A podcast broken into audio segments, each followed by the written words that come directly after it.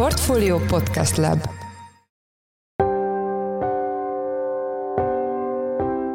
Mindenkit üdvözlünk, ez a Portfolio Checklist január 20-án pénteken. A mai műsor első részében egy igazságügyminisztériumi sajtónyilatkozatban fél mondatban megemlített, de addig önállóan egyáltalán nem kommunikált törvénytervezetről lesz szó, melyben a kormány több az EU által kifogásolt problémát is orvosolna a magyar igazságügyi rendszeren. Itt az igazságügy megerősítése volt Brüsszelnek a kifejezett követelése. Tehát bizonyos túlhatalmaktól meg akartak fosztani az országgyűlés és a kormány által vitt hivatalokat.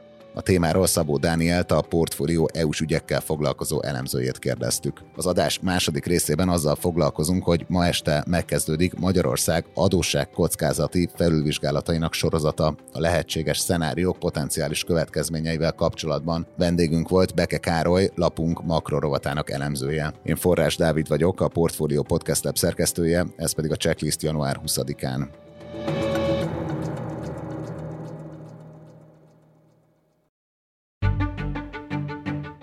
Csütörtök hajnalban jelent meg egy cikk a Magyar Nemzetben azzal a címmel, hogy Varga Judit már kedden tárgyal az Európai Bizottsággal. Ebben az anyagban vegyesen szerepeltek nyilatkozatok különböző fideszes politikusoktól a magyar kormány és az EU közötti jogállamisági vitával kapcsolatban. Ebben a cikkben jelent meg, mint egy félmondatként, hogy az igazságügyi minisztérium társadalmi egyeztetésre bocsájtott egy törvényjavaslatot, melyről a minisztérium vezetője Varga Judit kedden már megy is Brüsszelbe tárgyalni. A helyzet azért érdekes, mert erre a tervezetre kulcs szerep hárulhat a magyar EU-s pénzek kiszabadítása tekintetében, azonban a törvényjavaslatról külön sajtóközlemény vagy kommunikáció egyáltalán nem érkezett. Igaz, este, mint egy fél nappal később már Varga Judit is kommunikált róla a Facebookon. A most benyújtott törvénytervezet az az igazságügyi reformot hajtja végre, amit az Európai Unió először a helyreállítási program lehívásához tett kötelezővé a 27 szupermérföldkő között. Ez 5,8 milliárd eurónyi forrás lehívásához szükséges, de aztán tavalyi év végén annyiban megcsavarták ezt a dolgot, hogy miután másfél éven keresztül azt mondták, hogy a helyreállítási alap és a jogállamisági vita egymástól független, mégis a kohéziós források lehívását, 22 milliárd eurót is a szupermérföldkövekhez kötötték, így tulajdonképpen ez most a teljes uniós forrás lehívásunkat befolyásolja, kisebb tételeket nem számítva. Szabó Dániel a portfólió EU-s ügyekkel foglalkozó elemzője. Itt az igazságügy megerősítése volt Brüsszelnek a kifejezett követelése, tehát bizonyos túlhatalmaktól meg akartak fosztani az országgyűlés és a kormány által vitt hivatalokat. És igen, ez lenne a következő kérdésem, hogy mik a, a bizottság reformkövetelései a magyar igazságügyi rendszer tekintetében, és hát ezek közül melyeket és hogyan orvosolnák azok a szabályok, amik a most benyújtott törvénytervezetben találhatóak? Igen, itt ez fontos megegyezni, hogy az Európai Bizottság a legritkább esetben szokott konkrét kéréseket megfogalmazni, hanem általában területeket határoz meg, ahol problémákat lát, és itt kéri azt, hogy a magyar kormány fogadjon el olyan törvényeket, amelyek ezeket a hiányosságokat vagy összeférhetetlenségeket orvosolják. És itt a négy igazságügyi reformkövetelés kiterjedt arra, hogy az igazságügyi bírói tanács, ami tulajdonképpen a bírói önrendelkezésnek a legfontosabb szerve, tehát ezt maguk a bírák viszik ezt a hivatalt, ennek a jogkörei legyenek legalább olyan erősek, mint az Országos Bírósági Hivatalé, illetve a kúria ellenében is kapjanak plusz jogköröket. A kúria esetében is elvárta Brüsszel azt, hogy csökkentsék a hatalmát, valamint növeljék a szervezeten belüli transzparenciát, és szigorú feltételek vonatkozzanak a legfelsőbb magyar bírói testület elnökének kiválasztására, illetve arra, hogy hogyan is nevezik ki a bírákat, a kúrián dolgozó bírák, tanácstagok hogyan válhatnak bíróvá, és azt is megszabta Brüsszel, hogy az ügyelosztási rendszeren is javítani kell. Továbbá volt egy már kicsit más területre kiterjedő reformkövetelés, ami azt a problémát akarta olvasolni, hogy a közhatalmat gyakorló szervek, így például a kormány vagy hatóságok közvetlen alkotmányjogi panasszal fordulhattak az alkotmánybírósághoz. Ez a brüsszeli érvelés szerint azért volt problémás, mert hogy megakasztotta jogerős bírósági ítéleteknek a végrehajtását. Tehát megszületett mondjuk már a kúrián is egy ítélet, vagy a törvényszéken, de ezt egy hivatal, akár maga a kormány megtámadta az alkotmánybíróságon, akkor az ehhez a feljebbviteli fórumhoz került, ahol vagy az országgyűlés által kinevezett személyek ezt megakaszthatták, vagy pedig évekig állt egy ügy. És a negyedik, az pedig az volt, hogy a magyar jogrendben történt egy olyan korlátozás, hogy a magyar bírák közvetlenül nem fordulhattak előzetes döntéshozatal iránti kérelemmel az Európai Unió bíróságához, és most viszont ezt a korlátozást megszüntetik, és akkor feloldják ezt a lehetőséget. És van-e már valami információd arról, hogy az EU-ban mit szólhatnak ez a tervezethez, vagy te egy első olvasatra mit gondolsz róla, milyen mértékben kezelheti a törvénytervezet a hazai jogállamisággal kapcsolatos aggályokat? Hát a bizottság részéről én egyelőre azt hallottam, hogy még megvárják rendesen az angol fordítást, valamint össze akarják hasonlítani jogszabály módosítási tervezetet a korábban meglévő jogszabályokkal. Tehát ez még egy ideig eltarthat. Viszont első olvasatra azt mondták, hogy nagyjából megfelel a brüsszeli követeléseknek, viszont nagyon fontos, hogy ez a gyakorlatban hogy működik. Ugyanis nagyon sok szabály van benne, tehát például mondjuk azt, hogy a OBT véleményezési jogkört kapott sok esetben, ott annál a puding próbálja az evés elv alapján látni, akarják, hogy ennek milyen a gyakorlati következménye, tehát milyen hatása lesz ténylegesen a magyar igazságszolgáltatásra arra, hogy ezeket a plusz jogköröket bevezették. Az elsőre azt mindenki mondta, hogy a közhatalmi szerveknek a, a alkotmányjogi panasza és a bírók közvetlen EU-hoz való fordulása esetében kielégítő lehet a magyar jogszabály és itt az OBT megerősítése kapcsán akkor az azt is jelenti, hogy hiába fogadnák el ezt a törvénytervezetet, csak akkor szabadulhatnának ki magyar EU-s pénzek a különböző ilyen szankciós eljárások alól, hogyha ez a gyakorlatban is megfelelően ültetődik át? Igen, egy több lehetőség van. Ugye a forrásokról végül az Európai Tanács fog dönteni, amiben az összes tagállam jelen van, tehát itt még lehet akár az is, hogy kívülről valamelyik tagállam azt mondja, hogy ne, számára nem kielégítőek ezek az igazságügyi reformok. Most a magyar diplomácia problémái miatt erre egyébként még lehetőség is van. És az is lehet, hogy a bizottság is úgy találja, hogy ez nem elég kielégítő, mert mondjuk a fellebezési lehetőségek, amiken meg lehet támadni mondjuk egy OPT véleményt, az nem feltétlenül biztosítja azt, hogy tényleg érvényesül is a magyar bírók független véleménye.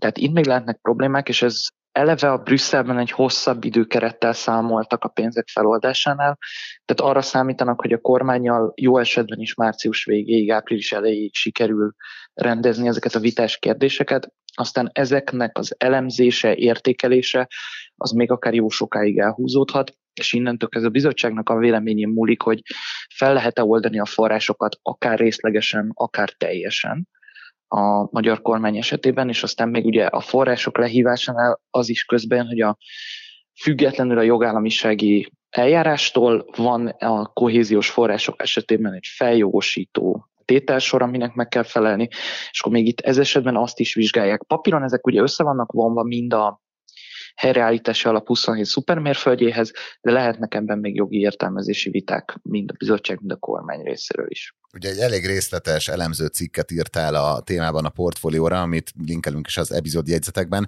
Itt említed a, a Horizont Erasmus ügyet is, ezekre lehet-e valamilyen hatással ez a konkrét törvénytervezet? A brüsszeli álláspont ezzel kapcsolatban még a hét elején az volt, hogy nem kívánják külön tárgyalni a kohéziós források és a kötelezettségvállalási tilalmak pontjait. Tehát összességében a forrásokkal együtt szeretne a bizottság lezárni azt a vitát, hogy az Erasmus és a Horizont programok esetében a magyar intézmények, kutatóműhelyek, egyetemek szerződést köthessenek az Európai Uniós intézményrendszerre. Tehát összességében a, akkor még az volt az álláspont, hogy pár külön pontban szerepel a tanács határozatában, de nem fogják külön kezelni a kettőt. Most mutatkozik arra hajlandóság, hogy mivel az igazságügyi reform is átment, tulajdonképpen elfogadják azt, az értékelési időszak elején pedig föloldják az Erasmus és Horizont programokat, de erről még hosszú viták várnak ránk, és nagyon fontos lesz az, hogy amikor ennek a fordítását, meg a részletes elemzését elkészítik a bizottságban, valamint Varga Judit a jövő héten konzultálnak ezekről a kérdésekről, akkor végül is milyen álláspontot alakítanak ki Brüsszelben. De akkor te is azt érzékeled, hogy itt van valamilyen szintű flexibilitás a, a bizottság részéről? Igen, de eleve nem volt elutasító a bizottság azzal kapcsolatban, hogy mi legyen az Erasmus és Horizont programokkal a magyar intézmények esetében. Azt is látni kell egyébként, hogy olyan vészes időnyomás nincsen egyik félen sem, hiszen a már december 15 előtt megkötött szerződések, azok érvényesek maradnak. Ezeknek a nagy része nem is jár le a közeljövőben, tehát a nyáron bőven elég a ezekről a programokról, meg a vagyonkezelő alapítványokban az összeférhetetlenségi szabályoknak az orvoslásáról, tehát arról, hogy politikai tisztséget betöltő személyek ne feltétlenül ülhessenek bent ezekben az egyetemi kuratóriumokban. Terünk vissza magára erre az új törvénytervezetre, aminek a bejelentése egy ilyen egészen furcsa félmondatból derült ki, amit Varga Judit igazságügyi miniszter adott egy interjút a Magyar Nemzetnek, és ebből lehetett ezt kihámozni, viszont a magára a társadalmi egyeztetésre egy viszonylag hosszú időt hagytak, tehát körülbelül két hetet. Ez mutathat-e valamiféle új tempót, vagy egy ilyen újfajta attitűdöt a, a kormány részéről. Ugye egy ilyen normális tempójuk törvényalkotás, az, az fontos vállalása volt a, a kabinetnek az EU felé, de például a, a múlt év végén a, a költségvetési törvényt meg pont rendeleti úton módosították néhány nappal az év vége előtt, tehát hogy ebben te látsz valamilyen elmozdulást.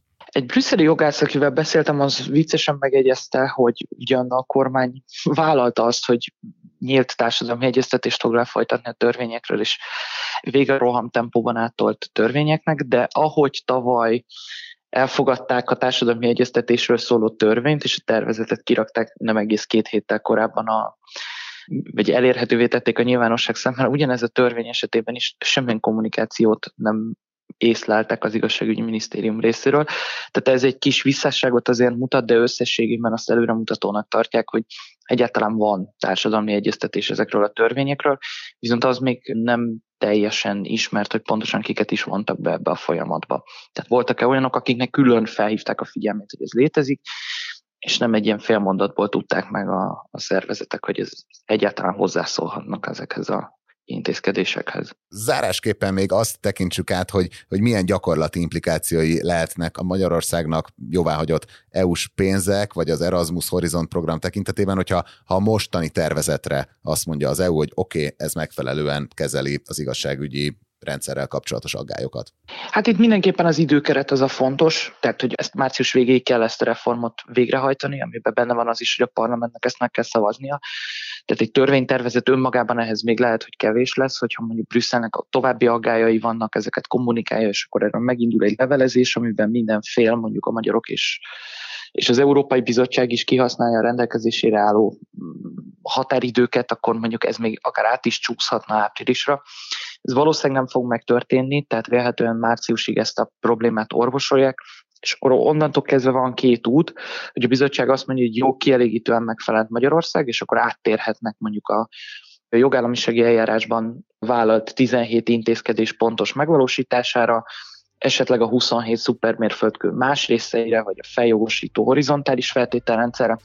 De ennek függvényében az, az tűnik valószínűnek, és akikkel én az Európai Bizottságtól beszéltem, azt valószínűsítették, hogy így az első fél évben Magyarországra még nem fognak uniós források érkezni, de érkezhetnek már augusztus vége, szeptember magasságában. Szabó Dániel a portfólió EU-s ügyekkel foglalkozó elemzője.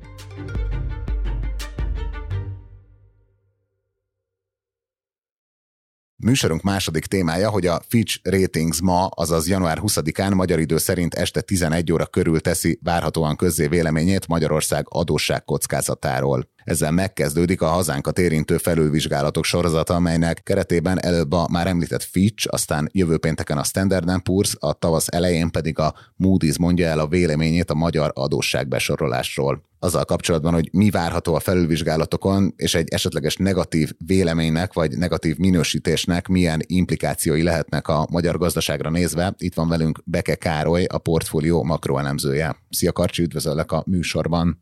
Sziasztok! Először kezdjük azzal, hogy mit jelentenek a különböző minősítések, és mi jelenleg Magyarország adósságbesorolása. Ugye a hitelminősítők gyakorlatilag megpróbálják megkönnyíteni a befektetők dolgát azzal, hogy a világ országainak adnak egyfajta minősítést. Ugye közel 200 ország van most a világon, mondjuk egy feltörekvő piaci befektetőnek azért elég nehéz ezeket folyamatosan észben tartani, és nem csak az országokat, hanem, hanem a, az, azoknak a a különböző gazdasági mutatóit, vagy a kockázatukat, tehát igazából a hitelminősítők egy kicsit ilyen egyfajta ilyen könnyebbséget nyújtanak a piacnak abban, hogy ők elvégzik ezeket az elemzéseket, és aztán hát jellemzően azért a befektetők megbíznak bennük, és megbíznak az ítéletükben.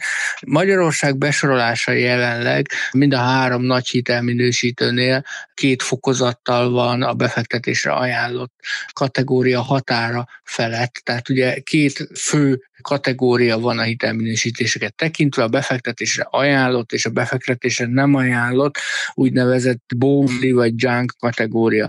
A 2010-es évek elején vagy közepén volt Magyarország ebben a bóvli kategóriában, amikor befektetésre nem ajánlott volt. Azóta most mindhárom nagy hitelminősítőnél, tehát a Fitchnél, a Standard Poor's-nál és a Moody's-nál is két fokozattal vagyunk ennek a határa felett. Ez a Fitch és a Standard Poor's eset esetében egy BBB besorolást jelent, míg a Moody's esetében BAA2, de igazából ezeknek a, a, az ilyen betűszóknak, vagy ezeknek a kódoknak nincs különösebben nagy jelentőségük. A legfontosabb az ez, hogy, hogy gyakorlatilag még most még egy leminősítéssel sem fenyegetne az, hogy kikerülnénk a befektetésre ajánlott kategóriából. És technikailag miről döntenek a már említett dátumokon? Ugye a hitelminősítők arról döntenek, hogy változtatnak-e az eddigi adós besorolásukon, illetve annak a kilátásán. És ugye nem csak a hitelminősítés a lényeg, hanem annak van egy pozitív, semleges vagy negatív kilátása, ami azt vetíti előre, hogy milyen irányba mozdulhat el a jövőben a hitelminősítés. Azt szokták mondani, hogy egy pozitív vagy egy negatív kilátás az általában két éven belül ennek megfelelő pozitív vagy negatív irányú elmozdulást vetíthet előre, ha nem változnak érdemben a gazdasági fundamentumok. Tehát ha egy országnak pozitív a kilátása, a, akkor az azt jelenti, hogy a hitelminősítő alapforgatókönyve mentén két éven belül akár felminősítés is következhet. És most mik a magyar kilátások, és mik a legvalószínűbb szenáriók itt a Standard Poor's, illetve ma este a Fitch döntése kapcsán? A Fitchnél és a Moody's-nál jelenleg stabil a magyar adósosztályzat kilátása, a Standard Poor's tavaly augusztusban negatívra rontotta. Tehát elsősorban a jövő hét pénteki Standard Poor's hitelminősítés az, ami érdekes és izgalmas lehet. Ugye tavaly ősszel gyakorlatilag mindhárom hitelminősítő azért elég kemény figyelmeztetéseket küldött a magyar kormánynak, elsősorban az uniós forrásokkal kapcsolatban. Tehát figyelmeztettek arra, hogy az uniós források tartós elmaradása az negatívan érintheti a magyar adósbesorolást, annak mentén, hogy a gazdasági növekedés alacsonyabb lehet, a költségvetés helyzete romolhat. Most dől el igazából az, hogy mennyire gondolták komolyan ezeket a figyelmeztetéseket vagy fenyegetéseket a hitelminősítők. Én azt gondolom, hogy ma este a Fitch esetében reális lehet az a forgatókönyv, hogy stabilról negatívra rontják a kilátást, tehát éppen a tavaly ősszel közölt figyelmeztetések hatására. Ugye ott kisebb a súlya a dolognak, hiszen ott, ott még a kilátás rontása beleférne. És azért mondtam, hogy a jövő pénteki Standard Poor's döntés lesz sokkal izgalmasabb, hiszen ott a negatív kilátás mellett, ha, ha a hitelminősítő további kockázatokat lát, akkor ott már leminősítésnek kellene következnie. Ugye tavaly augusztusban, amikor negatívra rontották a, a magyar kilátást, akkor az S&P azt mondta, hogy 2,3%-os növekedéssel, gazdasági növekedéssel számol idén Magyarországon, és 3,5%-os költségvetési hiányjal. Azt mondták, hogy amennyiben ezek a, az értékek szignifikánsan változnak, akkor az hozhat egy leminősítést. Na most ehhez képest mostanra eljutottunk oda, hogy, hogy a kormány egy optimista költségvetésben másfél százalékos növekedéssel számol, egy bank fél kötőjel másfél százalékot mond, a piaci várakozások is inkább enyhén pozitív növekedés, de, de, de minimálisan pozitív növekedést jeleznek előre, a költségvetési hiányt pedig az év végén 3,5%-ról 3,9%-ra emelte a kormány. Tehát kérdés, hogy ezek a negatív irányú változások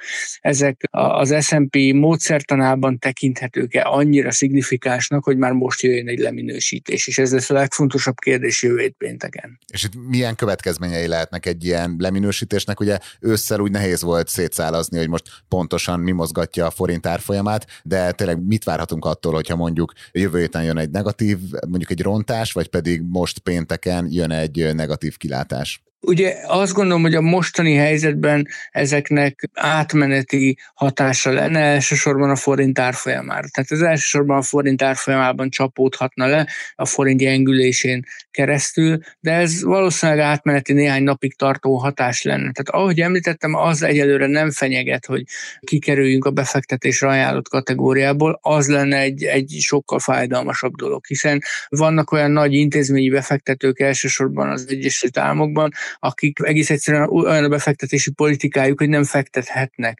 bóvli kategóriájú állampapírokba vagy eszközökbe. Tehát nekik automatikusan el kéne adniuk mondjuk a magyar állampapírjaikat, hogyha a magyar besorolás bekerülne ebbe a befektetésre nem ajánlott kategóriába. De hát ugye ehhez két leminősítés kellene, tehát azért mondom, hogy egyelőre most ez még nem fenyeget. Meglátjuk aztán az év során, hogy hogy alakulnak majd a kockázatok. Itt elsősorban globális kockázatokra érdemes gondolni. Tehát ha mondjuk most jön egy leminősítés, és egy fokozatra leszünk ettől a bóvli kategóriától, akkor azért az egy picit kockázatos lesz abból a szempontból, hogyha jön bármilyen globális tényező, megint elszállnak az energiárak, eszkalálódik a háború, bármi, akkor, akkor ott már nem nagyon lesz tér lefelé, tehát nem lehet, tehát akkor ott már, ott már igenis a bóvli kategória jön.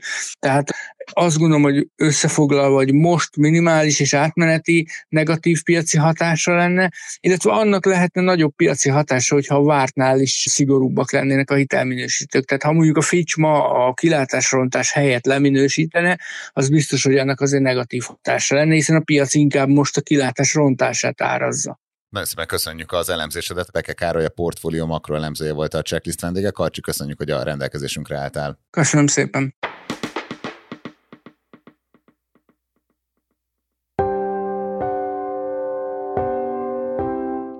Ez volt már a Checklist, a Portfólió munkanapokon megjelenő podcastje. Ha tetszett az adás, iratkozz fel a Checklist podcast csatornájára bárhol, ahol podcasteket hallgatsz a neten. Új, hagyományos műsorral hétfőn jelentkezünk, de szombat reggel jön a Checklist külön kiadása, amelyben a szerb-koszovói válság lesz a téma. A mai adás elkészítésében részt vett Bánhidi Bálint, a szerkesztő pedig én Forrás Dávid voltam. Mindenkinek jó hétvégét kívánunk, sziasztok!